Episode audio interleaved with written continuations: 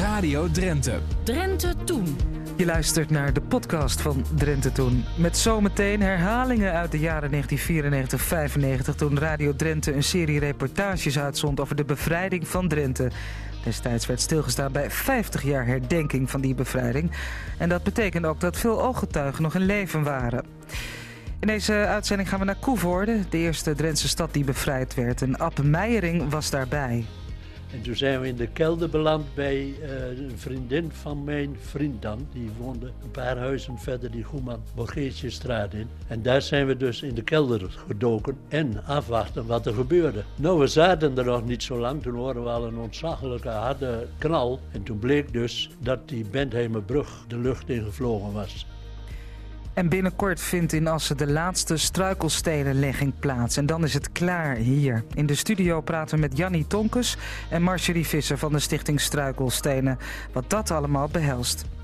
Arm en Rijk, dat is een thema waar je alle kanten mee op kunt. Is ook het thema van de Dag van de Drentse Geschiedenis. Lydia Tuinman bezocht alvast het Drents Archief. En leven langs de noordelijke grens Nederland-Duitsland. Dat was een leven dat bepaald werd door politiek en oorlog. Dirkje Mulder schreef een dik boek over, De Grens getrokken.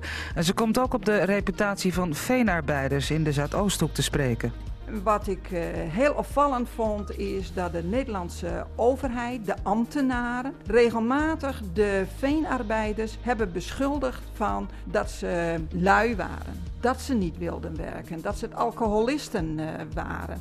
Er is in de jaren twintig een stempel gedrukt op de noordelijke veenarbeiders. En die zijn ze eigenlijk nooit meer kwijtgeraakt. Uh, Verder onder meer Old Nice en in het Rono radioarchief een stel ouderen die in 1986 gevraagd wordt te vertellen over oudejaarsgebruiken uit hun jeugd. En die liegen er niet om. Dat en meer. Drenthe Toen. Radio Drenthe. De stichting Struikelstenen Assen maakt zich op voor de allerlaatste legging. 1 april aanstaande. Dan is het de laatste keer dat in Assen struikelstenen worden gelegd. Aan tafel Marjorie Visser en Jannie Tonkes van de Stichting Struikelstenen Assen. Dames, welkom. Fijn dat jullie er zijn. Misschien is het uh, goed om nog even in herinnering te brengen voor uh, dat handjevol mensen dat het nog niet weet wat struikelstenen zijn. Marjorie. Dat is een klein klompje van 10 bij 10 centimeter, waar bovenop een messingplaatje is uh, gemaakt. De onderkant is van beton, dus het is ook vrij zwaar in gewicht. En in dat messingplaatje is tekst geprint uh, met de naam van het slachtoffer, de geboortedatum, uh, waar hij allemaal heeft gezeten soms ook, in de gevangenis. Of, en waar, vooral waar hij is overleden in het kamp en op welke datum. Dus ja. je krijgt daar persoonlijke gegevens van het slachtoffer uh, te lezen. En die struikelsteen, stolpersteinen, hè, zoals het uitgevonden is min of meer... die komt dan voor het huis te liggen, op de stoep voor het huis waar degene wiens naam de steen draagt heeft gewoond... of van waaruit hij of zij is weggevoerd. Ja, dat klopt. In de oorlogsjaren. Ja. En dan gaat het niet alleen maar over Joodse slachtoffers... maar ook bijvoorbeeld, uh, zoals in Assen mensen van het verzet... Ja. Ja. En andere slachtoffers van het uh, naziregime. En hadden jullie ooit kunnen voorzien? Ja, tuurlijk voorzie je dat, want je hebt met een bepaalde hoeveelheid mensen te maken, met een aantal. Maar dat deze dag nu zo snel dichterbij zou komen, dat het ook echt ja, afgerond wordt, dat hele project? Nou, we hadden het eigenlijk voorzien op 2017. We, wilden, we hadden toen uh, een lijst van 450 slachtoffers, verzetstrijders en uh, Joodse slachtoffers. En we zijn toen uitgegaan van twee leggingen per jaar. Nog in de glorietijd dat we dachten dat de kunstenaar ook zoveel stenen per jaar zou kunnen leveren. Het was diezelfde Gunther Demnig, ja? dezelfde Gunther Demnig. Ja. En we zijn vrij begin eigenlijk, in het begin... Ja, zeg maar, uh, Borne was de eerste. Maar we zijn in 2010 begonnen als stichting. Toen dachten we nog van, nou, dat twee leggingen moet lukken. Dat lukte dus niet, want er werden zoveel stenen gelegd in heel Europa. Ik geloof dat er inmiddels 70.000 uh, liggen. Dus wij moesten een beetje aansluiten in de rij. En uiteindelijk is er nog meegevallen hoor, 2020. Dus dan hebben we de 420 gelegd ja. straks. Dat betekent op zich natuurlijk ook wel wat, hè? Die overweldigende belangstelling voor het leggen van deze stenen. Ja. Niet alleen in Assen en ook in andere Drentse gemeenten, maar in heel Nederland en. Europa. Ja. Dat, dat, dat, het zo'n zo'n uitwaaierend effect zou hebben, dat had niemand verwacht eigenlijk. Hij zelf helemaal niet, nee, de nee. kunstenaar. Zeg, het woord zegt het al, stolperstein. Het is, het is een steen waar je overheen struikelt. Nou ja, niet letterlijk dan, want daar, daar wordt wel om gedacht natuurlijk. Maar een steen die in het straatbeeld uh, ingepast wordt. Maar een steen om bij stil te staan. Ook in Assen. Ja. ja. Ja. als het goed is, uh, loop je door het centrum, want daar liggen de meeste. En uh, als ze net zijn gelegd, dan heeft het nog zo'n koperkleurige uitstraling. Dus dan valt het ook door de lichtinval, zie je het ook nog eerder. En later is het wat meer door de tand destijds aangetast. Ja, en, uh... Maar Marjorie, ik, ik heb weet van gemeenten waar mensen met doekjes en flesjes brasso in de weer zijn. Klopt, Om ze uh, bepaalde dagen op te poetsen. Ja, dus dat kan. Dat kan, ja. Um, je noemde al de naam.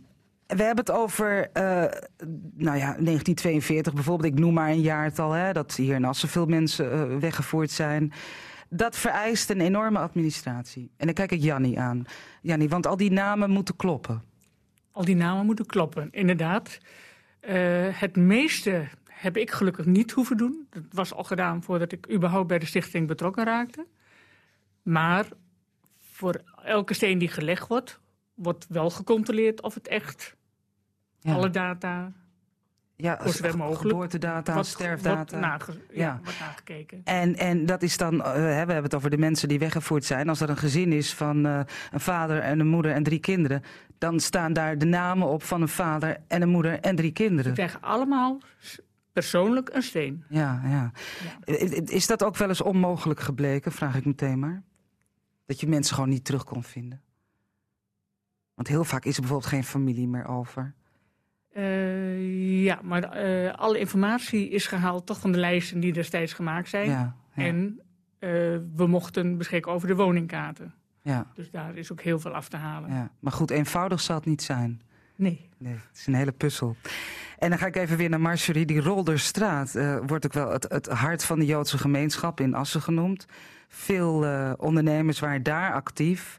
Met bijvoorbeeld een slagerij, een fietsenhandel, een manufacturenzaak. Uh, kun je ons wat vertellen over die Roldestraat? Ja, dat was uh, net wat je zegt, het hart van de Joodse gemeenschap. Voormalige Joodse gemeenschap, moet je zeggen. Hè. Er is nu niet zo vreselijk veel meer van over. En de mensen zochten elkaar ook graag op, woonden graag bij elkaar. Het was een liberale gemeenschap, dus niet orthodox. Um, er zat van alles tussen, net wat je noemt, ook een bakker. Een koosjere slager zat er ook tussen. We hadden veel slagers, sowieso in Assen. Ja. Joodse en niet-Joodse. Ja. ja. maar daar staat het koosje. Ik weet niet of de mensen dat nog weten. Maar koosje betekent dat je ook volgens de voedselwetten van uh, de Joden moet je uh, slachten. Dus, en, dus ze hadden hun eigen slagers. Ja, klopt. ja. Ja. Nou ja, dat betekent ook dat er heel veel stenen worden gelegd daar. Ja, en is het dan zo uh, dat voor vaak de winkel was en achter het woonhuis of boven het woonhuis? Mensen woonden daar ook? In de meeste gevallen was dat wel, ja, inderdaad. Ja. Een enkeling woonde elders, maar de meeste mensen woonden ja. en werken op want, één plek. Ja, want aan de Javastraat en de Oranjestraat wonen ook veel Joodse gezinnen. Maar echt de, de, de winkels hadden ze dan aan de Rolderstraat. Toch wel vaak in de Rolderstraat. Ja. ja. Nou goed, we, we hebben het al over problemen gehad waar je zo wat tegenaan loopt als je een stichting struikelstenen bent. Bijvoorbeeld dat er niet genoeg struikelstenen zijn en dat je moet wachten. Een ander probleem is dat straten er niet meer bij liggen zoals in die jaren. En dan uh, spant de Rolderstraat wel de kroon, denk ik, van heel Assen. Nou, als mensen nu door het centrum gaan, dan zien ze precies waar de problemen ontstaan uh, zijn. Uh, er is een tunnel aangelegd voor uh, NS, hè, om daar mooi overheen te kunnen. Dat betekent dat de huizen zijn afgebroken. Je ziet ook dat er gaten zijn. Denk aan de Doevenkamp, daar is ook wat nodige weggehaald. En dat betekent dat het behoorlijk zoeken is van hoe heeft die straat er toen uitge uitgezien en waar staan die huizen. Ja. En dat doen we gelukkig met uh, hulp van uh, de gemeente... die voor ons keurig gaat uitzoeken van hoe zag het er in 1950 bijvoorbeeld uit... en voor ons dan stafkaarten maakt met keurig aangegeven... kijk hier heeft dus vroeger nummer, noem maar wat, 52. Ja, want, want er is daar ook omgenummerd hè, ja. op een zeker moment. Ja. Dus je kunt eigenlijk ook niet vertrouwen op de huidige uh, nee. huisnummers. Nee, nee. nee. Nee, dat is een hele verantwoordelijkheid. Dat we niet erg stenen ja. gaan leggen waar mensen nooit uh, nee. gewoond hebben. Ik moet nu eerlijk zeggen, of ik eerlijk, uh, jullie, we moeten wel even uh, aanstippen dat jullie dit probleem al eerder hebben meegemaakt. Hè? Stenen ja. leggen in een straat die niet meer bestaat. Nee. Ja. Dus Ja. dat betreft hebben jullie ervaring. Je weet ook dat de varkensmarkt is verdwenen, de schoolstraat. We hebben zelfs bij eh, berekening hebben we geconstateerd dat als we stenen zouden leggen conform dus die oude kaarten, dat we midden in het wegdek van de Weijenstraat stenen moesten leggen. Nou, daar moet je een oplossing voor eh Maar dat mag niet. Eh, Nou ja, even los of het mag. Nee, maar je laat toch geen auto's rijden over struikelstenen? nee. En, en ze liggen idealiter ook op de stoep. Ja, Ja. altijd. Hoeveel stenen er gelegd gaan worden, en dat is nog een eh, enorm, enorm aantal. En eh, of er nog vragen zijn die beantwoord moeten worden, dat horen we zo meteen. Wij praten over de stenenlegging, de struikelstenenlegging in Assen, 1 april aanstaande. En dat zal dan ook meteen de laatste zijn in Assen, dan zit het werk erop. En eh, over de afgelopen jaren is het aantal struikelstenen in Drenthe alleen maar toegenomen. Niet overal. En ook nog niet overal zijn ze klaar. Maar in Assen dit jaar dus wel. In de studio Marjorie en Jannie van de Stichting Struikelstenen. Ehm, dames, eh, we hebben het over de Rolde Straat. Het is ook de meest omvangrijke legging. Hè? Ik, ik heb hier een lijst met namen. 71 stuks. 71 mensen.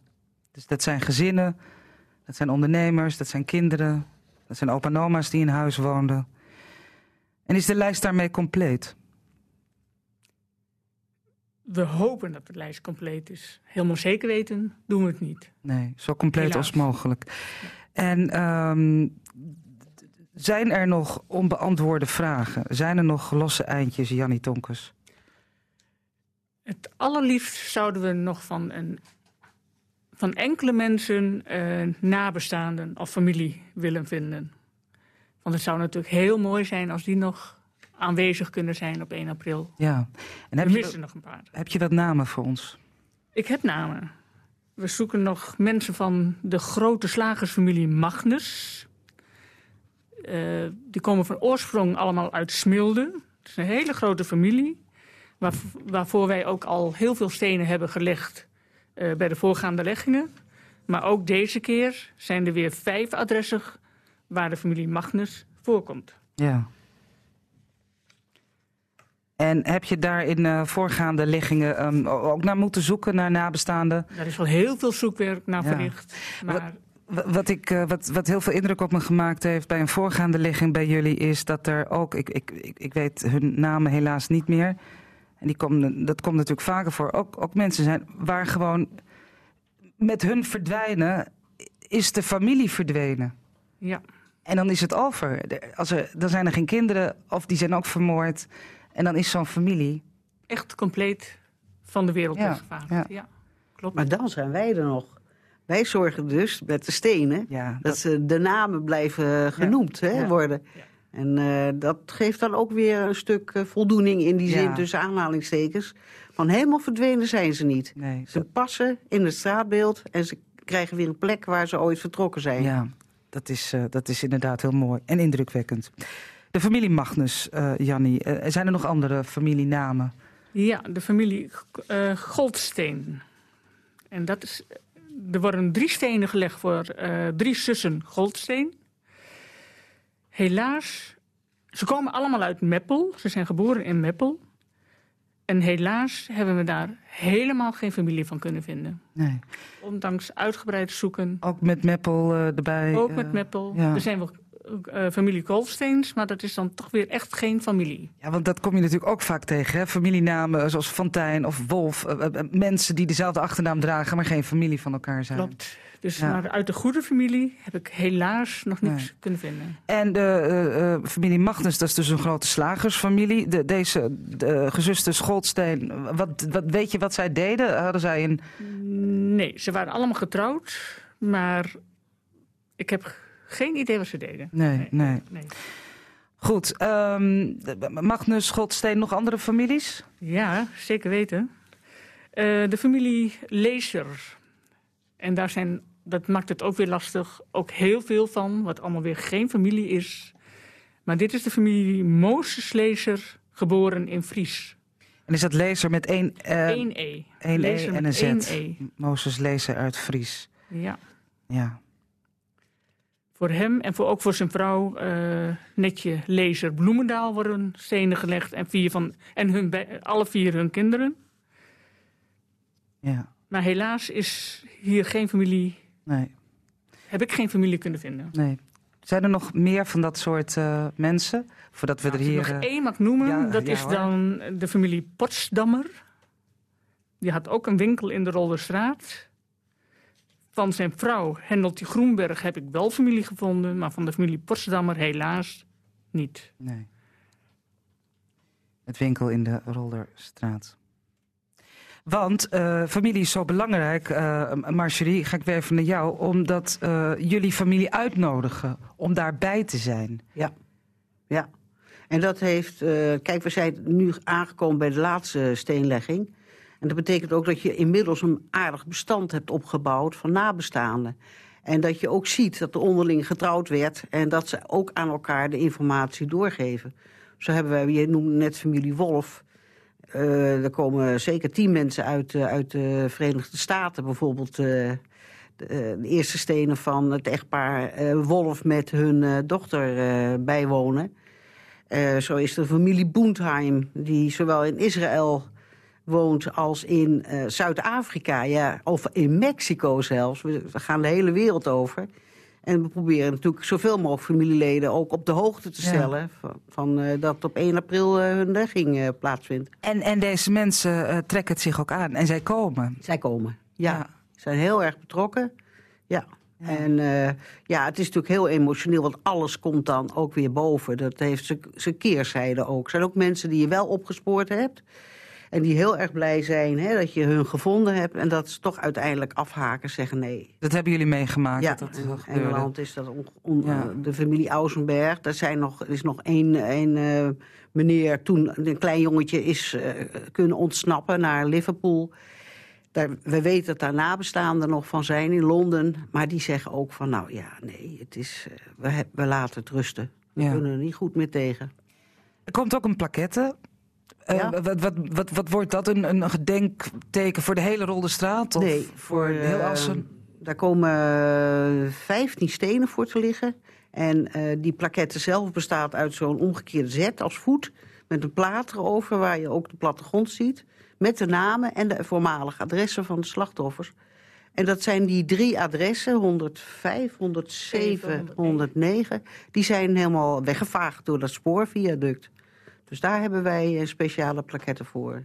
Ja, dus niemand wordt overgeslagen? Nee, en uiteindelijk, en dat wou ik ook nog even genoemd uh, hebben... dat we aan het eind ook een boek uh, op de markt brengen... samen met Van Gorkum, de uitgeverij... om uh, alle namen daarin weer de revue te laten passeren. Zoveel mogelijk achtergrondinformatie, kaarten, plattegronden...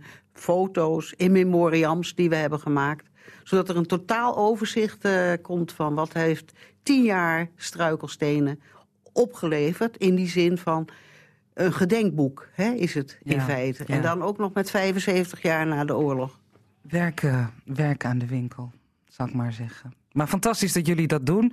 Ehm, wat ook nog even genoemd moet worden is eh, ja, toch de grondlegger van eh, die struikelstenen, Günther, of Günther Demnig, de Duitse kunstenaar. Hij komt ook. Ja, ja. Ja, we hebben dat ook afgesproken de eerste en de laatste keer. Al meteen met een soort gentleman's agreement. En uh, nou ja, hij, komt wel, maar hij is zo druk bezet dat hij zegt... ik kom symbolisch voor al die 71 mensen... kom ik op één adres struikelstenen leggen. En dat doe ik, ja, misschien mensen al eens een keer eerder... bij de eerste legging 2012 meegemaakt... Hij, uh, hij krijgt dus al die gaten uh, krijgt hij door de gemeente, zeg maar even stratenmakers, krijgt hij aangeboden. Maar hij tikt dus die stenen er zelf in. Ja. En dat vindt hij nog steeds heel bijzonder. Nou, en, het is ook wel bijzonder dat hij komt, Ja. natuurlijk, denk ik. Ja. Ehm, hebben we alles eh, besproken, dames? Misschien e-mailadres nog als mensen willen reageren. Vanzelfsprekend, ga je gang.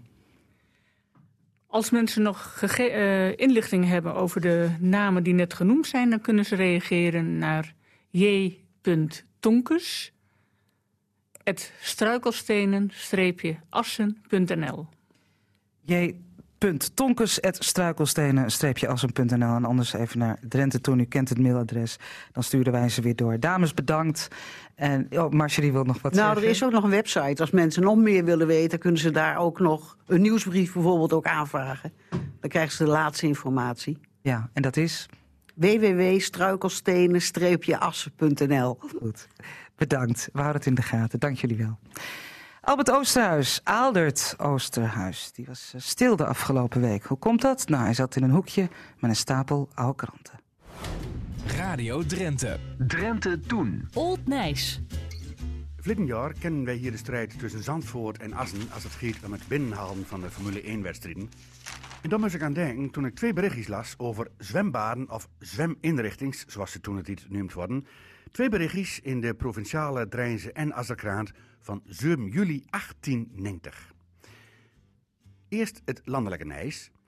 Naast de gewone zeebaden is aan het strand te Loosduinen een volkszeebad geopend. Tegen de duinvoet zijn 18 kamertjes gebouwd, voorzien van spiegel en kapstokken. Voor 10 cent kan men, onder behoorlijk toezicht, daarin zeebaden met kosteloos gebruik van handdoek en badbroek. Maar even wederop in diezelfde krant een triomfantelijk bericht uit Assen. Met genoegen wijzen wij op de in ons nummer van heden voorkomende advertentie, waarbij de opening wordt aangekondigd van de Asser zweminrichting in het Anreperdiep nabij de Bijlerweg. Ja, echt mooi weer was het blijkbaar niet in die juli maand, want wel is het weder thans niet van dien aard dat reeds dadelijk een druk bezoek kan worden verwacht.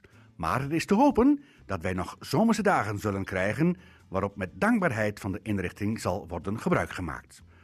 Door een volleerd zwemmer zal toezicht worden gehouden, terwijl de gelegenheid is geopend om les te ontvangen in de zwemkunst. Onmiddellijk bij het bassin zijn enige kleedkamers aanwezig. Met andere woorden, ik kun toen de dit net zo vlot naar Anrebedebi als naar strands bij Loosduinen. Maar ja, we kennen ook allemaal de isbaansoop tussen Assen en Hoogveen met de wakkom en zo ja woord. Daar moest ik aan denken toen ik het artikel las in de provinciale Drijnse en Azergraant van 4 augustus 1899. En dat artikel gaat over Muppel, waarin de Muppeler Raad zich al tien jaar lang afvroeg: moet naar een zwembad of een badhuis of allebei? En zo ja, waar dan? Nog maar weer eens een onderzoek. En die rapporteerden: Het was ons algemeen gevoelen dat het voor de gezondheidstoestand bepaald nodig was dat er een gelegenheid moest komen zich voor een geringe som te kunnen reinigen. Juist omdat vele Muppelerwoningen slechts één vertrek hebben, is ook uit zedelijkheidsoogpunt de oprichting zeer zeker te verdedigen. In de eerste plaats onderzocht uw commissie of het wenselijk zou zijn op te richten of te steunen een badinrichting of bad- en zweminrichting. Zij vond dat het algemeen belang eiste in de eerste plaats een inrichting waarin men zich kan reinigen. Mocht een zweminrichting vooral voor de jeugd veel bekoorlijkheid hebben, voor het algemeen is een badinrichting wenselijker. 1. Omdat er het gehele jaar gelegenheid is daarvan gebruik te maken. 2. Omdat een zweminrichting alleen geen doel zou hebben en er toch een badinrichting aan verbonden zou moeten worden. Reden waarom het dan waarschijnlijk financieel te bezwaarlijk zou zijn. 3. Omdat het ons niet gelukken mocht een goede plaats daarvoor aan te wijzen. In andere plaatsen bemerkten wij dat het daar uitstekend ging. Het waren echter alle particuliere inrichtingen met subsidie der gemeente. En de conclusie van de commissie is een hele volzin, moet goed luisteren.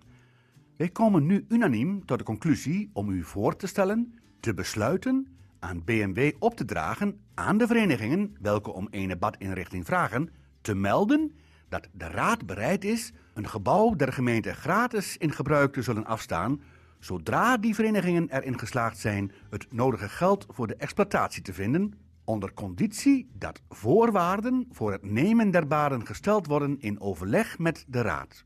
Nou, het komt er dus eigenlijk op neer dat ook toen al de overheid probeerde een publieke voorziening naar de particuliere sector deur te schoven. Ja, waar zal dan volgens die commissie dat badhuis moeten komen?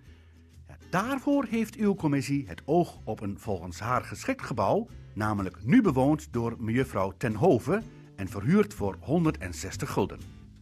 Ja, waar dat gebouw precies stond en wat mevrouw Tenhoven daarvan vond, dat vermeldt het verhaal niet. Drenthe Toen. Het archief. Oudejaarsgebruiken, zoals de boel in de fik steken of uh, met allerhande spullen door het dorp heen slepen. Het loog er allemaal niet om mensen vroeger. In 1986 verzamelde zich een groepje ouderen in Westerbork voor de Rono radiomicrofoon om gezamenlijk herinneringen op te halen. Vorige week ging het al over een, uh, een dikke fik op het schoolplein, nu uh, de rest. In Witteveen was het verschrikkelijk. Ja, dat was lelijk soms. hoor. Na de oorlog. Ja. Ja. Ja, maar voor de oorlog was dat niet. Ja, maar het was na de oorlog. Na de oorlog is er, kwam, er kwam er import en die met de schijnbaar erg met begon. Tenminste, hier was. Ik heb in Zwiggel een keer met mocht. Toen gingen we naar mijn broer, lopen toe, met een jongen.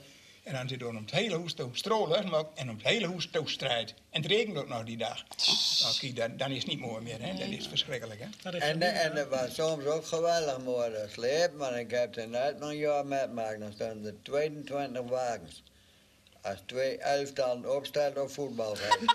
Ja? Nou, dat vind ik maar Dat was mooi, ja. Ja. ja. Als er nog geen vernieling bij hè? Precies. Maar ik heb ook wel eens gehoord vertellen dat ze een, zo'n ouderwetse wagen vroeger, hè, met, met die houten wielen nog, dat ze hem uit namen en dan een hoes voor dat, wat er geschikt voor was, gingen ze dat omhoog brengen. Ja. Op de nok. Ja. En toen zetten ze die Oh. wagen weer in elkaar. Ja. En dan was er vroeger drie bol of vier bol mes. Mes werd vroeger stoken, hè? Tegenwoordig ben er als geen Ja. mesvalk meer. Ja. Mes werd vroeger stoken. Dus een ballen drie, vier mes.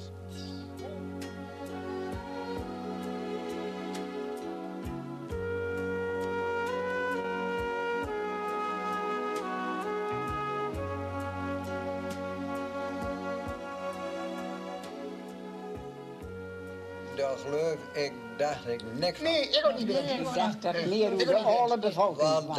eh, in Elp eerder tenminste, dat was toen in die dagen helemaal geen import. Nee, en dat, was, dat, Helemaal. dat baseer ik ook op Zwiggelen, dat was ook geen import Maar dat werd knap En toen het ook al. Het wordt dan over.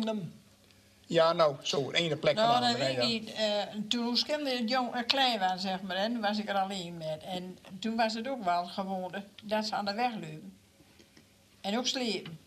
Hoe net het nooit mocht, want ik zie al, ik maak het huis gezellig en dan aan de straat niks te maken. Maar toen slepen ze ook wel al, hè, als ze de kaas aan. En schieten, Nou. Hm? Schieten. Schieten. Die Ja, ook wel, kabinbus. Ja, met Met karbitbus. Met kabitbus bedoel ik, En Ja, met- een melkbus. met Dat melkbus kwam ook kabit in. Ja, dat was Nou, Dat soms wel gevaarlijk. Was wel Daar zat ook kabit in. Zoals ze een tolle jaar uit zitten, hè? Los van de borrel die is dan wel Ja. eens over hebben. Een tolle jaar uit zitten. Dat gebeurde vroeger ook. Ja. Ja, dat was Nou, ze lang nog niet over nou. Niet overal. En Nee, dat dat gebeurt ben je nog nog door. lang niet overal. Dat Nee, Ze dat doen het nog naar meer per gezin, Ja, denk ik. ik denk dat het meer gebeurt als toen. Want toen konden ze, nou, alles wat er dronken wordt, dat kunnen ze een nieuwsdag op. Toen ze zorgen niet meer met te beginnen.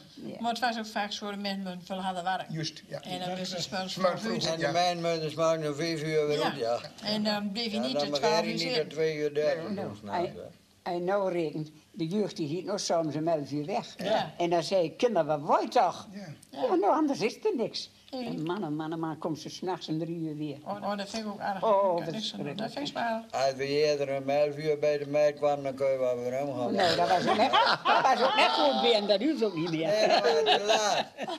Gewoon,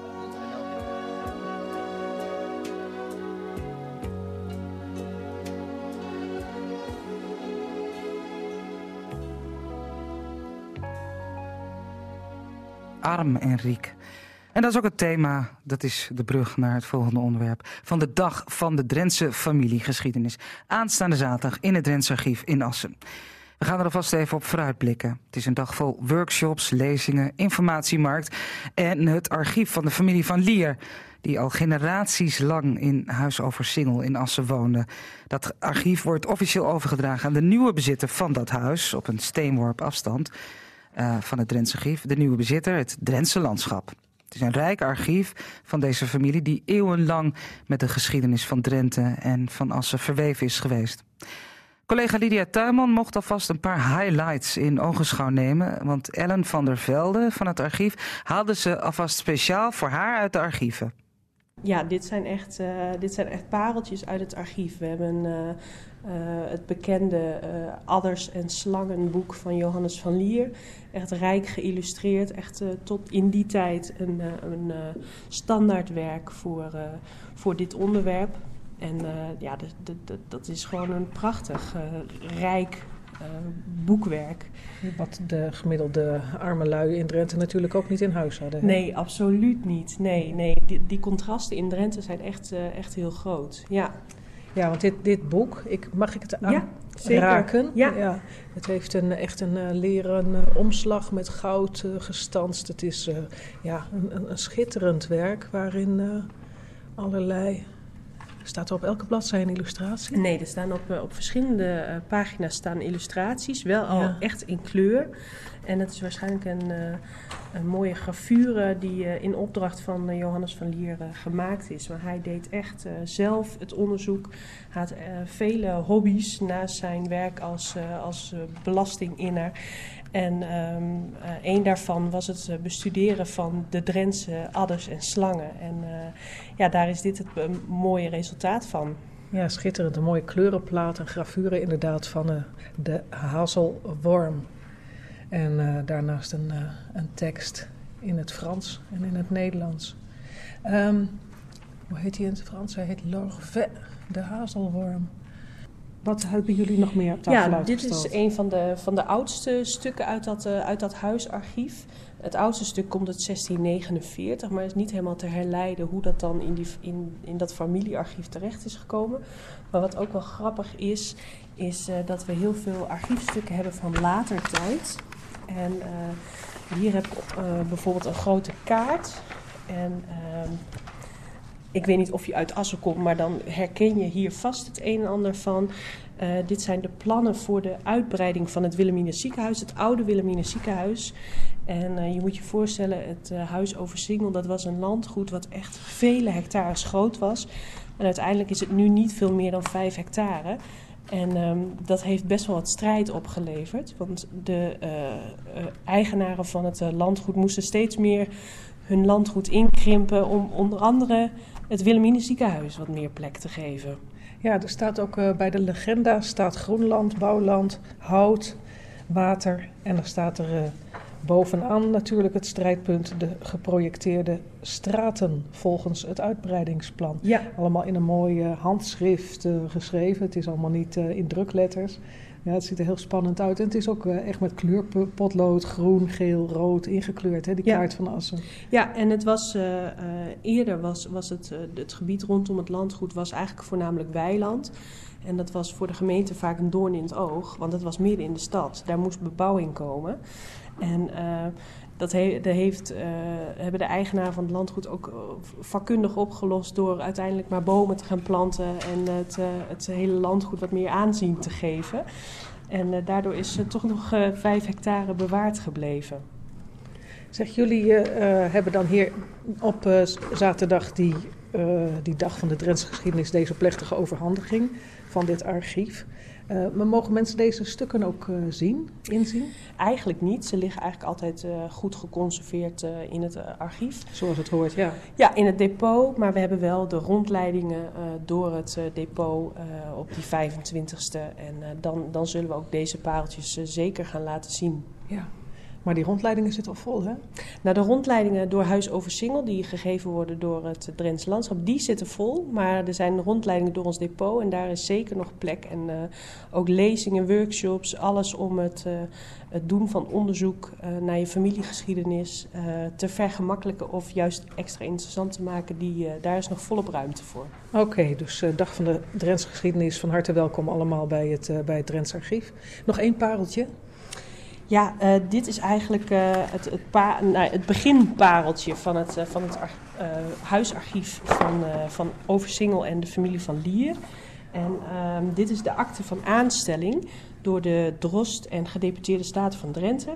Waarmee Johannes van Lier, dus waar we het net over hadden van dat rijk geïllustreerde boek, eh, tot ontvanger-generaal van Drenthe wordt aangesteld. En dat is eigenlijk de eh, beginakte voor dat hele huisarchief. Dus en dat eh, komt uit eh, 1758, dus dat, dat, dat is al eeuwen oud. En dit markeert eigenlijk de begin van dat hele huisarchief. Ja, je maakt een, een blauwe map open, nummer wat erop staat. Even kijken, 1667, archiefhuis Oversingel. En ja, er zit een soort perkament in, hè? Het is, Ja, het is, het is wat dikker. Ja, Hard, hard papier met, met, met mooi ja, bruine inkt eh, beschreven. Het is wat verbleekt, denk ik.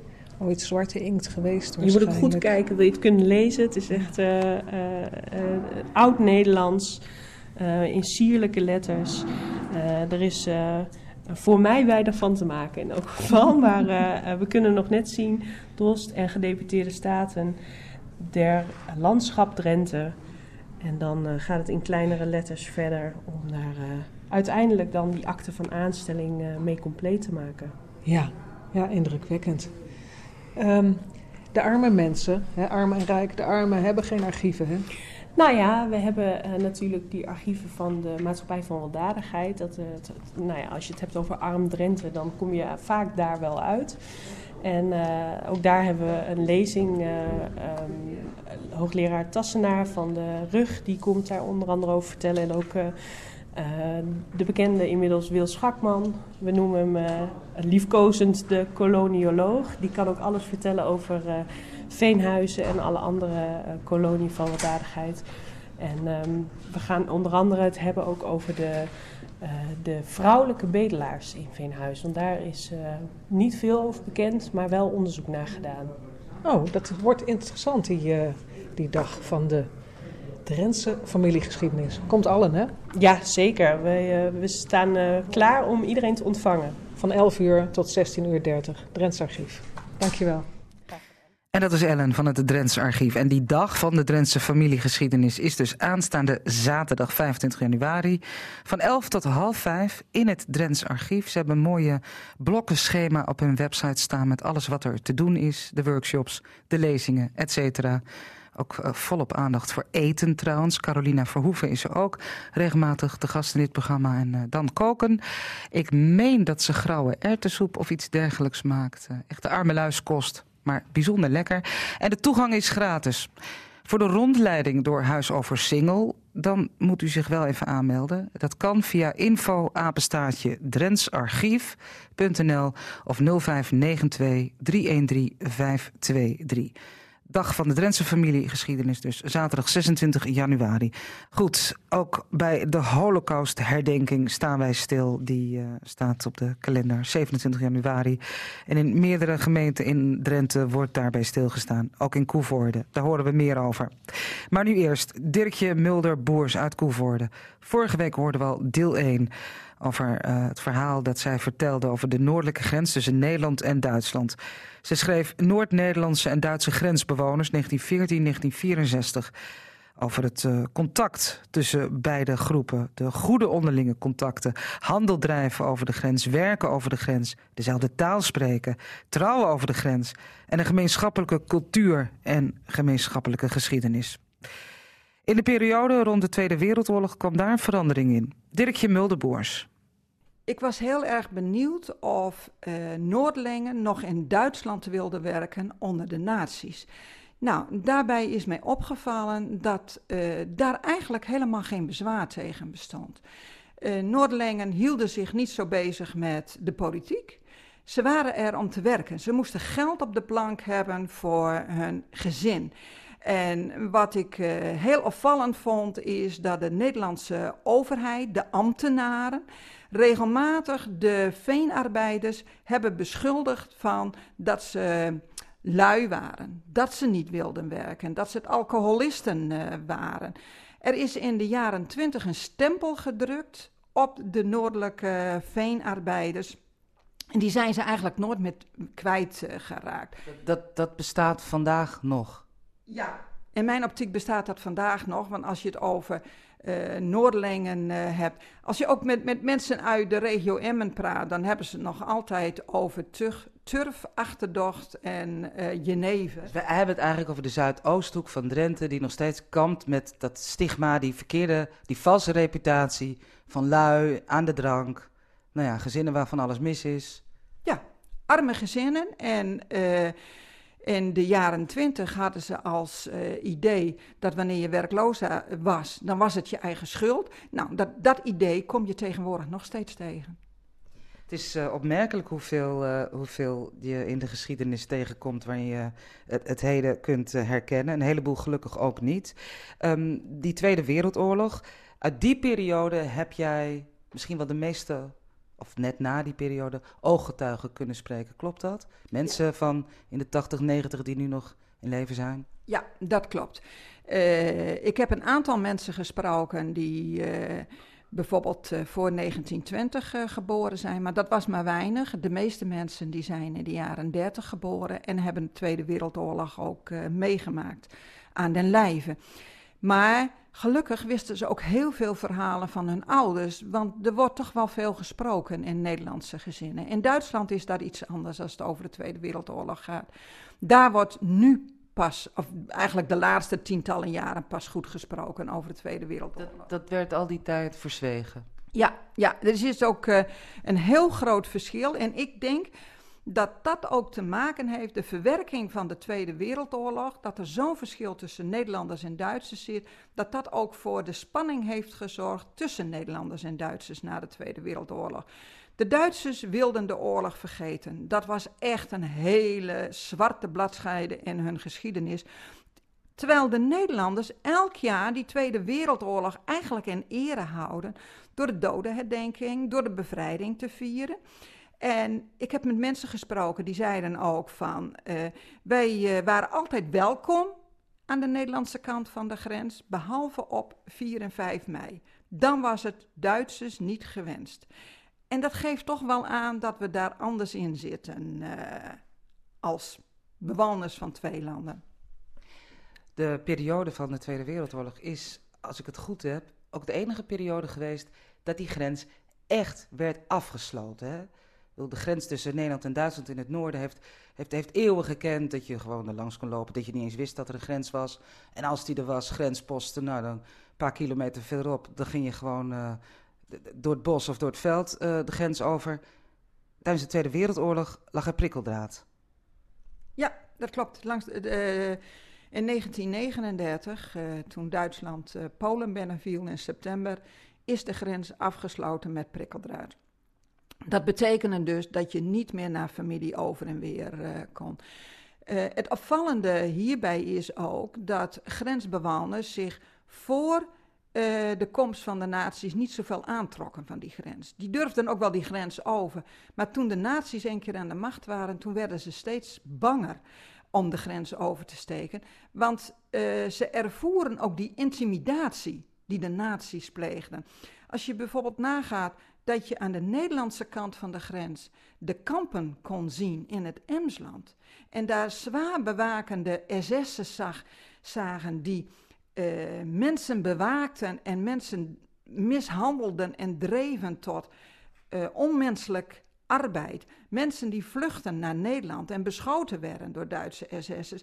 Dan kun je ook voorstellen dat die angst voor de nazi's toch langzaam maar zeker is uh, gegroeid. En dat mensen daardoor tijdens de Tweede Wereldoorlog, ook al konden zijn, waren er natuurlijk altijd plekken dat je de grenzen over kon, maar dat toch veel minder deden.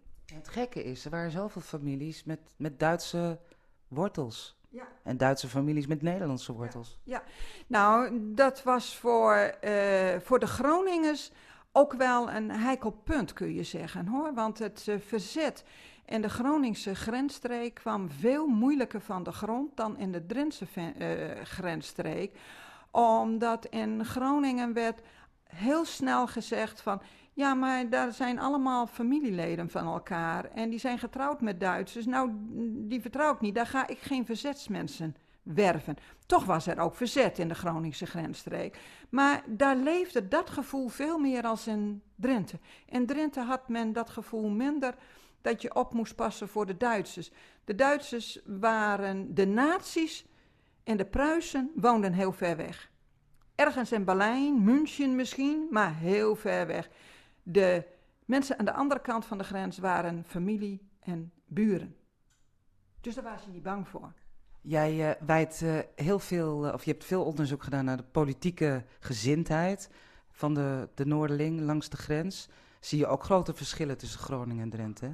Ja, daar zie je hele grote verschillen. Ik vond het heel opvallend als je alleen al kijkt naar de verkiezingen in de jaren 30. Dat uh, Groningen, uh, ja, wij noemden dat vroeger thuis, dat was rood. Oost-Groningen was rood. En daar bedoelden ze communistisch mee. Ook socialistisch, maar ook vooral communistisch. En zoveel te verder als je naar beneden gaat, zoveel te meer zie je dat mensen naar de confessionele partijen trekken. Vlachtwerden bijvoorbeeld, er was maar heel weinig rode mensen meer.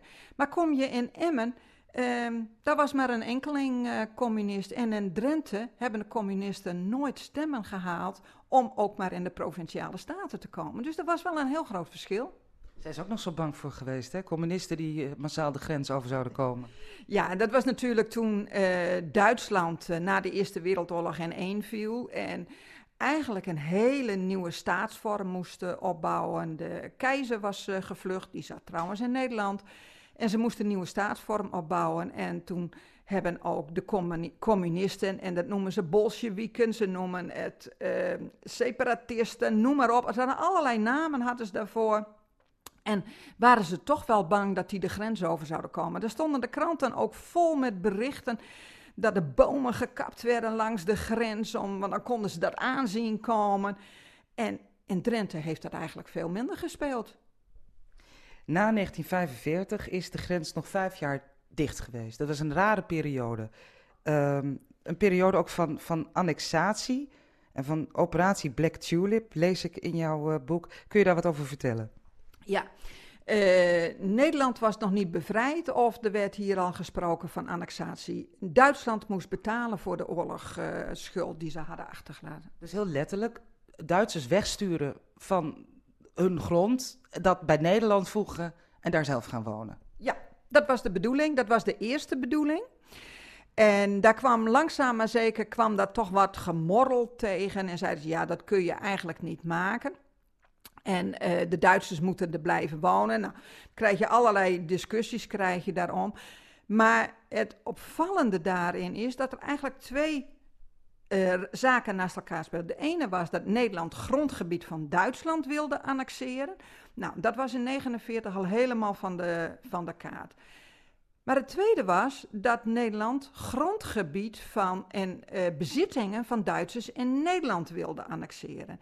En daar komen dan weer die traktaatlanderijen om de hoek kijken, dat ze dat afnamen. Wat zijn dat, traktaatlanderijen? Uh, traktaatlanderijen is grond wat in de jaren 1824, toen de grens rechtgetrokken werd, dus Duits grondgebied wat nu ineens in Nederland lag en Nederlands grondgebied wat in Duitsland uh, lag. Nou, alles wat van Duitsers was, wilde Nederland annexeren. En dat hebben ze ook gedaan, dat hebben ze gewoon afgenomen. Mensen moesten bewijzen dat ze geen nazi's waren, maar dat was niet alleen. Ze moesten ook bewijzen dat ze goed waren geweest voor Nederlanders en de Nederlandse staat. En dan konden ze hun eigen grondgebied terugkopen. Moet je nagaan. Eerst wordt het je afgenomen, dan mag je terugkopen. Er zijn mensen geweest. Uh, ik, beschrijf van een man die is uh, 75 jaar en die zegt: Ik heb nog nooit zoveel schulden gehad als nu, nu ik 75 ben, want ik moet mijn grond terugkopen. Kun je zeggen dat in het denken over elkaar de Tweede Wereldoorlog het opslagpunt is geweest? Ik denk wel als je kijkt naar uh, Nederland als overheid in het westen van het land. Maar niet als je kijkt naar Noordlingen. Het westen van het land had echt, en ook de overheid, dat, de, de bevolking in het noorden was toch echt wel van mening, had echt een meningsverschil met de Nederlandse Rijksoverheid. De Nederlandse Rijksoverheid bestempelde alle Duitsers en voormalige Duitsers tot vijanden van het volk na 1945. Het was altijd zo, wanneer een Nederlandse vrouw trouwde met een Duitse man, dan kreeg ze de Duitse nationaliteit. Andersom was het net zo. Nou, heel veel Nederlandse mannen zijn getrouwd met Duitse vrouwen die kregen ineens niet meer de Nederlandse nationaliteit. Werd hun zelfs afgenomen na de oorlog. Ze mochten ook niet meer de grens overkomen om uh, bij hun man te voegen in Nederland. En dat is toch wel. Het is zelfs zo dat in het westen van het land, dat is ook het verschil toch wel tussen het westen en de Noordlingen, uh, de Duitsers werden opgepakt. Mensen waren geboren in Nederland hadden nog steeds de Duitse nationaliteit. Waarom zou je nationaliteit veranderen? Je leeft hier en uh, je voelt je Nederlander. Maar die werden opgepakt en daar werden weer speciale kampen voor ingericht. Gelukkig heb ik dat soort toestanden niet in de noordelijke grensstreek gevonden. Ik heb zelfs brieven gevonden van gemeentes die zeiden van... nou, dat gezin mag uitgewezen worden, want die heeft zich uh, als slechte Nederlander gedragen. Maar die andere gezinnen die blijven hier mooi wonen. En dat deed me toch wel goed. Ja, ik las ook ergens dat uh, nou ja, bij tijd en wijle er wel angst was voor de Duitsers.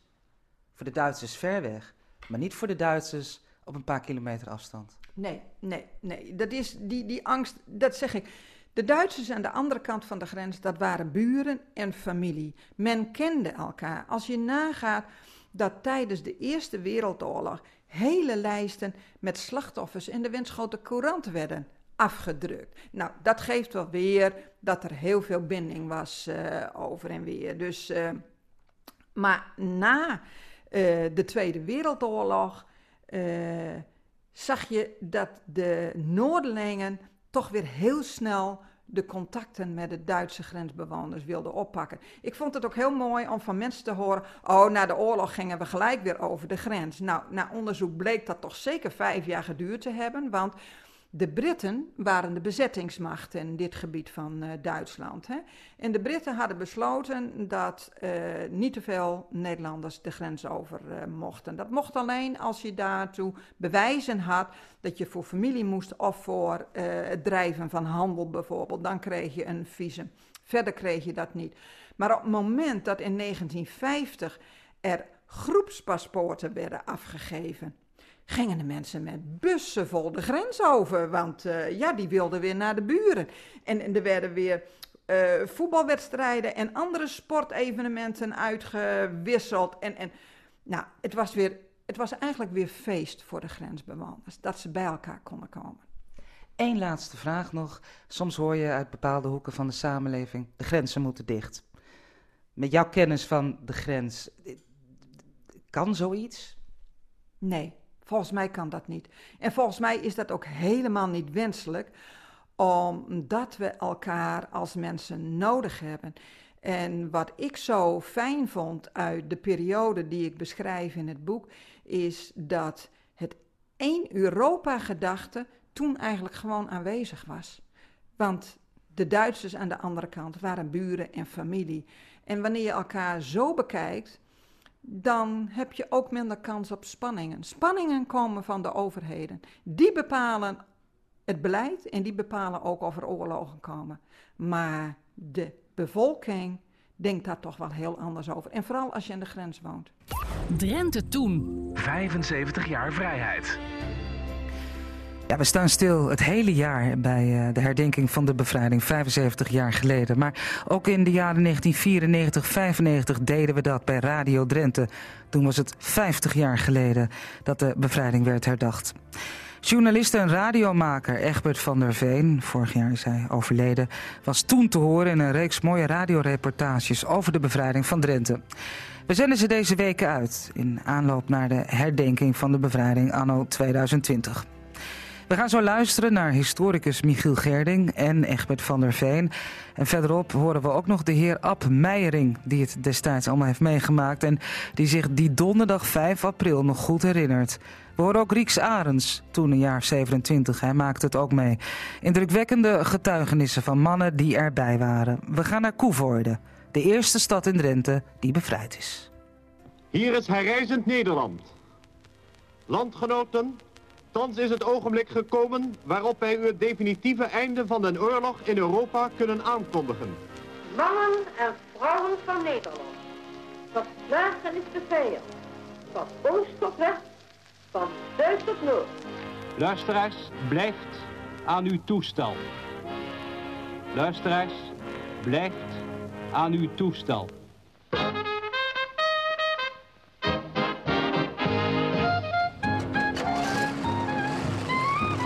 De bevrijding van Drenthe. Een bijdrage van Michiel Gerding en Egbert van der Veen.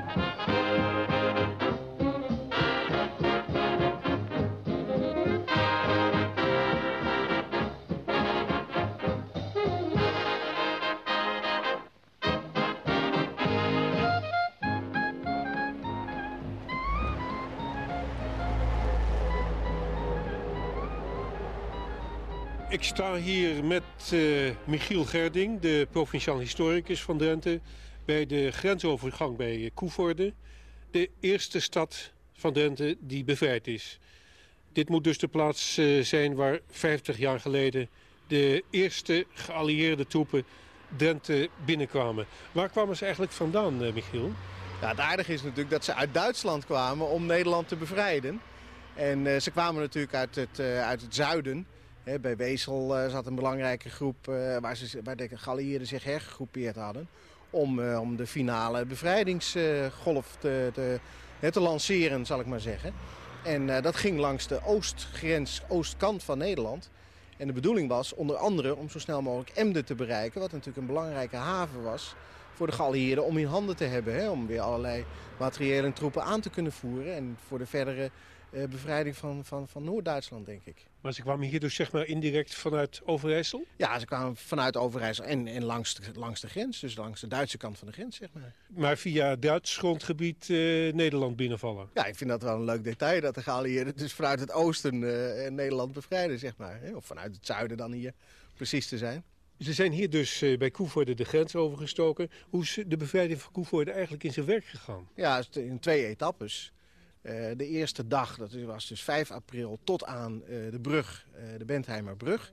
Die was natuurlijk die was kapot, die hadden ze laten springen, de Duitsers. En, en daar hebben ze halt gehouden. Dus hebben eerst het, zeg maar, het zuidelijkste deel van Koevoorde bevrijd. Daar hebben ze een nacht ja, uitgerust. En toen hebben ze de volgende dag hebben ze Koevoorde, de binnenstad van Koevoorde bevrijd. Zijn er nog mensen die zich iets van de gebeurtenissen van toen zeg maar, Koevoorden deel 1 eh, zich herinneren? Ja, voor dat eerste deel moet je bij Ab Meijering zijn. Die heeft dat aan de lijve meegemaakt, 5 april. Die heeft de Canadese troepen bij wijze van spreken zien aankomen als eerste student? Ja, die moet ze hebben zien aankomen, ja.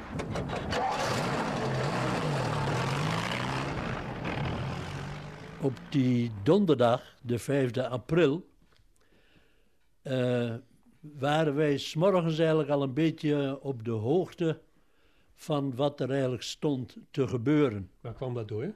Nou, die, die, die Duitsers die werden uh, volgens ons wat, wat zenuwachtig. En er waren troepenbewegingen. De bruggen, die, die, daar mocht je eigenlijk al helemaal niet meer over. Daar, daar lagen explosieven op of onder.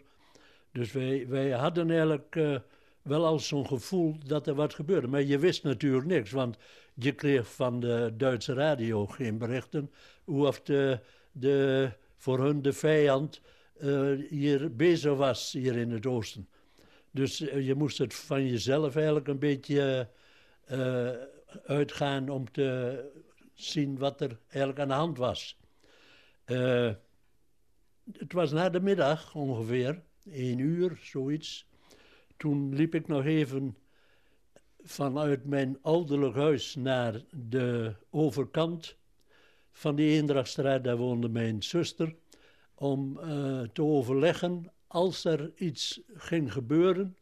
Of dan mijn oude lui bij haar in de kelder konden schuilen. Want in ons eigen huis was helemaal geen kelder. Dat waren de eerstgebouwde huizen van die stichting De Eendracht. En bij haar zat dus wel een kelder. Nou, daar hadden we overlegd en ik liep weer terug. En toen zag ik daar ineens twee Duitse militairen bij mijn ouders in het portaal van de woning staan. Er was een uh, SS-onderofficier uh, met een, nou ja, nog een kwajongen eigenlijk. En die had uh, op zijn schouder zo'n panzervuist. Ja, ik, ik stapte daar eigenlijk op af. Maar die uh, officier die zei, ik moest maar maken dat ik wegkwam, want de Tommies die waren in aantocht. Nou, ik als de bliksem uh, om het huis gelopen, er was zo'n gang tussen. En mijn oude lui gewaarschuwd en mijn broer, en er was nog zo'n hongerleidertje uit, uh, uit Utrecht, hadden we ook nog bij ons thuis. En die hebben we dus naar mijn zuster gebracht. En wij stonden nog zo te kijken en, en te turen. En toen hoorden we, denk ik, wat licht uh, geschud. Mitrailleurs en dergelijke. En toen zagen we ook al wat bewegingen langs die Eskebrugge dijk. En dat werd opeens werd dat veel erger. En toen meenden wij ook al uh, voertuigen te zien. En toen uh, zijn wij dus, hebben we ons teruggetrokken. En toen zijn we in de kelder beland bij uh, een vriendin van mijn vriend dan. Die woonde een paar huizen verder die Goeman Borgeetjestraat in. En daar zijn we dus in de kelder gedoken en afwachten wat er gebeurde. Nou, we zaten er nog niet zo lang. Toen hoorden we al een ontzaglijke harde knal. En toen bleek dus dat die Bentheimerbrug de lucht ingevlogen was. Maar ja, dat, dat vermoeden wij, want wij zagen dat natuurlijk niet. Nou, het duurde nog wat en, en ja, nou, wij, wij konden natuurlijk eh, voorlopig niks doen. En toen op een gegeven moment meenden wij al wat lawaai te horen in de, in de straat, in die Goeman Borgeesjestraat. Uh, mijn vriend die zei, uh, ik, ik ga achterlangs en ik wil proberen om daar op de hoek waar we juist gestaan hadden, om te zien wat er aan de hand is. Nou, dat deed hij. En ik ging naar, vanuit die kelder omhoog en ik kroop op mijn buik door de gang naar voren. En ik uh, deed die voordeur een eindje open. En toen zag ik daar ineens al militairen met steengun in de, in de aanslag en zo. En dat bleken dus de Canadezen te zijn. Nou, wij de, de, de deur open natuurlijk en uh, probeerden die soldaten eigenlijk al aan het verstand te brengen dat er eigenlijk geen Duitsers in die uh, Goeman-Borgeetjestraat uh, zaten. Maar ja, dat, uh, daar hielden ze natuurlijk geen rekening mee. Zij doken de ene gang in en, en de andere weer uit. En nou, op zo'n manier werd dus die, die Eendracht en die Goeman-Borgeetjestraat... van die enkele Duitsers die dan nog in de Eendrachtstraat zaten... Die, nou ja, die, die hebben ze natuurlijk ook overrompeld. Maar toen waren we dus vrij spoedig tot aan de, de stadsgracht waren wij dus uh, bevrijd. En waarom zijn de Canadese troepen toen niet verder gegaan? Nou, die brug was behoorlijk beschadigd.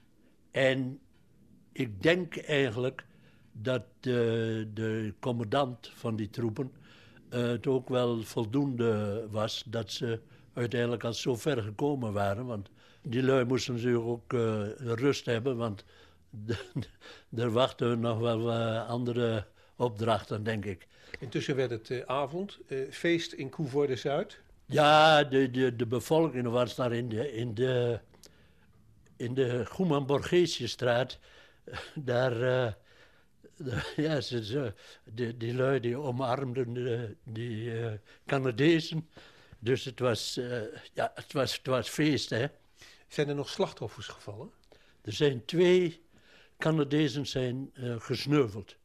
Ik vermoed dat dat Duitse jongetje met die panzervuist, dat die, die dat schot op die carrier heeft uh, gericht. En daar zijn dus twee uh, Canadezen, die zijn onmiddellijk om het leven gekomen, zijn verbrand. En de twee andere inzittenden, inzittenden die zijn onmiddellijk achter die, die Duitsers aangegaan. Er, was zo'n, er waren wat bosjes en er stond nog zo'n zo'n uh, werkplaatsje van een fietsenmaker. Die woonde ook daarachter in Eendracht. En daar hebben ze die uh, Duitsers, die hebben ze meteen om zeep geholpen. Want later, toen, toen liepen wij daar en toen zag ik wel twee liggen daarnaast dat werkplaatsje. Die waren dus alle twee dood. Terwijl verder er was nog een, stond nog een boerderij, ook op de hoek. En daar lagen ook al nog enkele dode Duitsers. Dus er zijn een stuk of vijf, zes zijn er eigenlijk uh, gesneuveld. Uit de Drentse kroniek van het bevrijdingsjaar. In Borger doet het gerucht de ronde dat de Engelsen in Koevoorde zijn. Men verwacht hen nog diezelfde avond en wacht in uiterste spanning. Boven Assen wordt in de vroege morgen geschoten vanuit een vliegtuig, onbekend op welk doel. In Loon vallen twee bommen achter de woning van de boerenleider. Alleen materiële schade.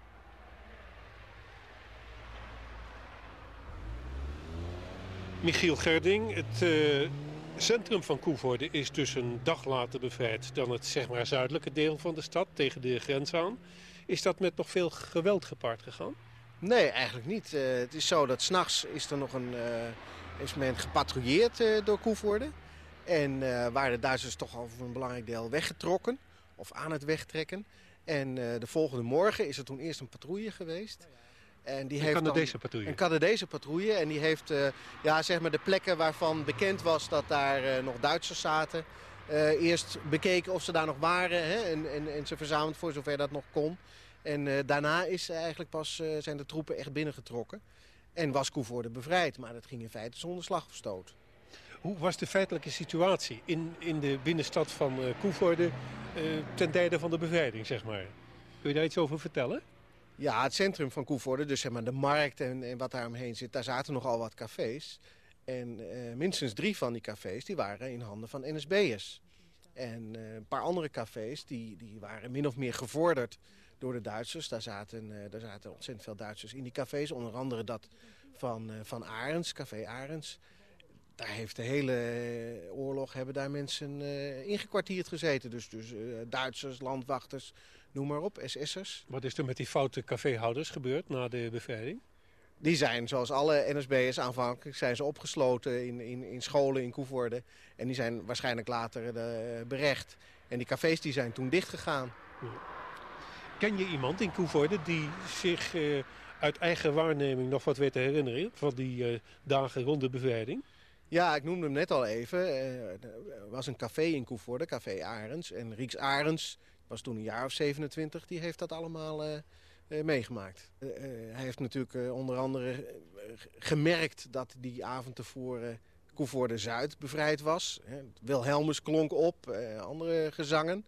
Terwijl in zijn, bij hem in het café de Duitsers nog, nog aanwezig waren. En daar Duitsland über alles aan het zingen waren. Terwijl hij met zijn moeder in de kelder verstopt zat. We gaan hem opzoeken, Rieks Arends. Nou, op het moment zetten wij, we zetten, toen dan Oude Brug bevrijd werd, dan konden wij in de kelder horen. En dan zongen ze allemaal Wilhelmus en we willen Holland houden. En wij zaten hier. Wat, wat hoorde u, zegt u? Wilhelmus en we willen Holland houden. En uh, nou, ja, maar je wist nooit wat die Duitsers deden, hè? Die waren over voor je staat. Toen represaille maar je wist dat niet. Dus toen het deel van Koevoorde dat over de brug uh, gelegen is, bevrijd was en men daar feest vierde, hoorde u ze daar zingen? Ja, ja, ja. Maar je wist niet wat er gebeuren ging. Want wij zaten hier nog met Duits in huis nog. We zaten in de kelder, mijn moeder en we een even keertje uit Amsterdam. En tegen de ene muur stond een piano. En een van die Duitsers, die speelde dan Duitsland, Duitsland over alles. En toen gaat mijn moeder naar boven toe. En die zei toen tegen die Duitsers, ze moeten jetzt spelen, we hebben angst. Als je brouwen geen angst te hebben, maar jetzt leven we hier, bevinden we zit we dood. Maar hij had wel gelijk, want dezelfde man die die panzervogels afgeschoten heeft op die kerrie. Bij die beide Canadees Brenton en Cliff om om leven zijn gekomen, heeft hij afgeschoten. Dus de Duitser die hier uh, enkele uren tevoren nog uh, piano zat te spelen... Uh, tegen de wens van uw moeder in... Ja. die is enkele uren later Lacht aan de grens ja, om het leven gekomen. gelijk was hij een vooruitziende blik. Is er om het centrum van Koevoorde nee. ook nog gevochten? Nee, er is niet meer om gevochten, nee. nee. Maar er is wel een verhaal over de beschieting van de kerk. Hoe is dat verhaal? Ja, de beschieting van de kerk is gebeurd vanaf de Grambergenstraat.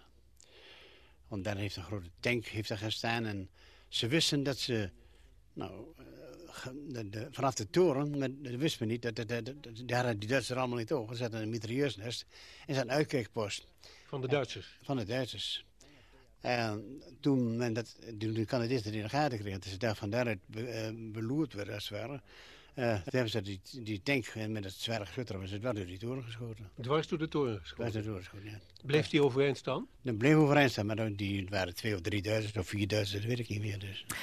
En wij gaan nog even weer terug naar Koevoorde. Terug naar Dirkje Mulder-Boers. En terug naar de synagoge van Koevoorde, waar ik haar interviewde.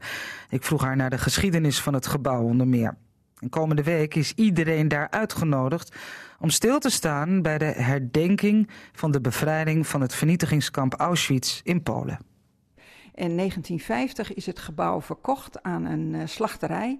En heeft er een slachterij in gezeten, een garage, een houtjesfabriek heeft er zelfs nog in gezeten. En in de jaren 70 wilde de gemeente het gebouw afbreken, want het was echt een bouwval geworden. Maar dat heeft door inzet van een aantal koevoordenaren en de provinciale monumentenzorg heeft dat kunnen voorkomen. Toen is er een muziekschool uh, ingevestigd en was de shul, dus de gebedsruimte, was balletzaal geworden. Uh, nadat wij een nieuwe gemeentehuis kregen in Koevoorden, uh, kwam het gebouw weer leeg te staan en zat de gemeente te zoeken naar een andere mogelijkheid voor het gebouw. En ook toen hebben Koevoordenaren zich weer ingezet om dit gebouw te behouden. En dan nu niet om er een spijkerbroekenfabriek in te zetten, maar om er een museum van te maken waar het verhaal van het Joods leven in Drenthe wordt verteld. De synagoge staat er nog, De Joodse gemeenschap in Koevoorde bestaat niet meer. Nee, die is helemaal weg. Uh, na de Tweede Wereldoorlog, nadat ze in de nacht van 2 op 3 oktober allemaal zijn weggevoerd, zijn er maar 14 mensen teruggekomen uit de oorlog. En heel veel van die mensen die konden zich niet meer vinden in uh, Koevoorde. Die zagen al die lege ramen waar hun familie en vrienden hadden gewoond. Uh, en zijn toen uh, vertrokken of naar het toenmalige Israël, of wat net als Israël gevestigd was, of naar het westen van het land. Dus de Joodse gemeenschap is er niet meer, daarom zijn hier ook geen gebedsdiensten meer gehouden. Dit jaar wordt stilgestaan bij 75 jaar vrijheid. Het feit dat Nederland 75 jaar geleden is bevrijd. Als je zulke verhalen hoort, zoals jij dat net vertelt, ja, dan, dan is die bevrijding niet voor iedereen geweest in 45. Nee, het was een bevrijding dat ze vrijkwamen uit de kampen. Maar nadat ze daaruit vrijkwamen, drong tot hun door en kregen ze langzaam maar zeker de verhalen te horen wat er met hun familie was gebeurd. Dat hun ouders zijn vermoord, vergast in Polen. Dat hun broertjes en zusjes of zelfs hun kinderen zijn vergast in Polen. En dat is natuurlijk, dat, is, dat moet verschrikkelijk zijn geweest om dat te horen. En daarbij kwam dat uh, als ze in een woonplaats terugkwamen, dan waren hun huizen bezet. Daar woonden andere mensen, die hadden het gekocht. En in sommige plaatsen kregen ze hun woningen niet eens gelijk terug. En wat moet je dan nog in een land waar iedereen je aankijkt en zegt: Ja, wij hebben ook hele erge dingen meegemaakt. Ga nu maar gewoon weer door. Had Koevoorde voor de Tweede Wereldoorlog een, een bloeiende Joodse gemeenschap? Ja, Koevoorde had een hele grote gemeenschap. In uh, 1920 woonden er meer dan 300 Joden in Koevoorde. En in de jaren 30 is dat langzaam maar zeker al teruggelopen, omdat er natuurlijk ook een grote werkloosheid was in, uh, in Drenthe. En men zag natuurlijk ook wat er aan de andere kant van de grens gebeurde met de Joodse bevolking, want daar woonde familie. Dus toen zijn er toch wel heel veel mensen vertrokken naar het westen van het land. Uh, in de hoop dat het daar beter zou zijn en wat verder van die Duitse grens uh, af. En in 1942 woonden er nog 140 Joden in Koevoorde. Het laatste jaar, want in oktober van dat jaar werden ze dus weggehaald. Ja, ja. En volgens mij is dat ook een van de belangrijkste redenen geweest waarom er in Koevoorde zo weinig Joden de oorlog hebben overleefd. Want eerst waren de mannen gescheiden, die werden naar werkkampen gebracht. En toen, op, in één nacht, zijn alle mensen die nog thuis waren, en dat waren vrouwen en kinderen en bejaarden, uit hun huizen gehaald. Er waren zeven mensen die mochten thuis blijven, want die waren ziek. En dan moet je nagaan hoe ziek dat klinkt. Want je moest eerst beter worden voordat je naar Westerbork en naar de gaskamers gebracht kon worden. Maar de mensen hadden ook geen tijd om onder te duiken. Want uit een verhaal van een Joods overlevende weet ik dat zeker nog veertien mensen wilden onderduiken. Maar die zouden maandags worden opgehaald naar een onderduikadres. En op de nacht van, van vrijdag op zaterdag zijn ze dus naar Westerbork gebracht. Jullie staan dit jaar stil um, bij, uh, bij uh, de herdenkingen. En dat gaan jullie op uh, donderdag 23 januari ook doen. Waarom op die dag? wij hebben ervoor gekozen om de bevrijding van Auschwitz niet op de dag zelf te herdenken, op 27 januari, omdat er dan overal in het land activiteiten zijn. En ook in Westerbork worden alle namen voorgelezen van uh, de Joden die vanuit Westerbork zijn gevoerd. En daarom hebben we gezegd: oké, dan gaan wij het dus niet op dezelfde dag doen. Wij doen het dan op de 23ste. En daar hebben we een verhaal van een mevrouw waarvan de ouders uh, verschillende kampen hebben overleefd. Hun hele familie was uitgeroeid na de oorlog, maar zij hebben het overleefd. En dat overleven heeft op haar leven, want zij is na de oorlog geboren, heeft toch heel veel invloed gehad. En dat komt ze vertellen in de synagoge. Het verhaal van haar ouders, maar ook het verhaal van haarzelf. Er is ook muziek. Wij willen graag dat samen doen met Jiddische muziek. Er zijn in de oorlog heel veel liederen geschreven over de verschrikkingen van de kampen. Nou, die worden vertolkt door Alit Hogenes en, uh, en Toby achter de piano. En na, aan het eind uh, ze ook nog bevrijdingsliederen. Want Ook al was de bevrijding verschrikkelijk voor de mensen, ze waren wel vrij uit de kampen. En daar willen we dan toch mee eindigen. En dat zei Dirkje Mulder-Boers. Nou, er wordt dus bij stilgestaan in de synagoge in Koevoorde. Niet op de dag van de herdenking zelf, maar op donderdag 23 januari. Met het verhaal van Monica van Rijn Franken en met muziek. Het begint om half acht. Reserveren is wel zo handig. Dat kan via info apenstaartje synagoge-koevoorden.nl. En op meer plekken in Drenthe wordt uh, uh, stilgestaan bij die Holocaust Memorial Day. In Emmen bijvoorbeeld, op de herdenkingsdag zelf. We hebben een persbericht gekregen, 27 januari, de herdenking van de bevrijding van Auschwitz in 1945 in de synagoge in Emmen. Dat zal ook gepaard gaan met muziek en verhalen. Het begint om 8 uur s avonds. Toegang is gratis. In Hogeveen kun je kijken naar het tijdelijk monument Levenslicht. Dat is een onderdeel van een hele reeks die door heel Nederland opgesteld staan en in deze periode oplichten. Een landelijk project van het Nationaal Comité 4 en 5 mei. Nou, op 22 januari om half zes... dan wordt het levenslicht van Hogeveen onthuld bij de tamboer... door burgemeester Karel Lohuis en Friede Jet van Blankenstein... van de Nederlands-Israëlische gemeente Drenthe. En dat monument wordt dan op verschillende locaties in en rond de tamboer tentoongesteld... om uh, zoveel mogelijk mensen de gelegenheid te geven... Ja, dat kunstwerk te ervaren. En dat doe je het best in het donker. En dat tijdelijk monument is te zien tot en met 2 februari. Gaan we ook nog even naar Zuid-Laren, waar op zondag 26 januari wordt stilgestaan bij de slachtoffers van de Holocaust. En dat doen zij ook met dat uh, project uh, van de kunstenaar Daan Rozengaarde. Ik noemde zijn naam zojuist niet, maar dat project Levenslicht. Daar wordt het uh, monument bij de synagoge geplaatst. in, dat is in Zuid-Laren aan de Zuiderstraat 1 programma zit er bijna op, maar niet voordat wij hebben geluisterd naar een jeugdherinnering van Wiebe Kruijer, voorgelezen door Robert Oosting.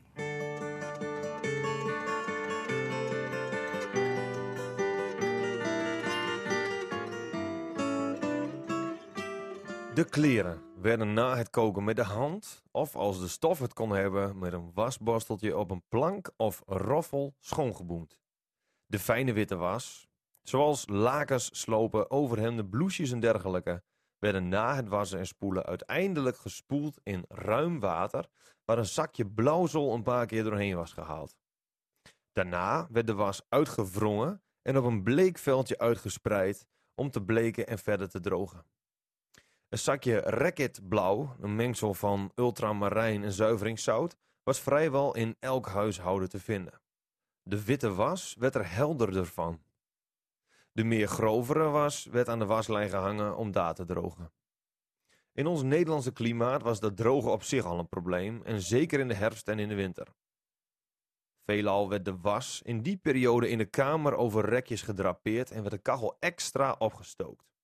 Het strijken van de gewassen kleding was ook een klus waar bijna een middag aan moest worden besteed. Sommige kledingstukken moesten worden hersteld en er moest tijdig voor vervanging en vernieuwing worden gezorgd. Bijna elke avond was mijn moeder bezig met het verstellen van kleding, het stoppen van kousen en sokken. Ook lag er altijd wel een breiwerkje klaar, want het breien van kousen, sokken en truien was een regelmatig terugkerende bezigheid. Vaak moesten daarvoor oude sokken en truien eerst worden uitgehaald om de daaraan nog goede wol te kunnen hergebruiken. Voor nieuwe kleren, maar dat mag uit het voorgaande duidelijk zijn, was altijd te weinig geld.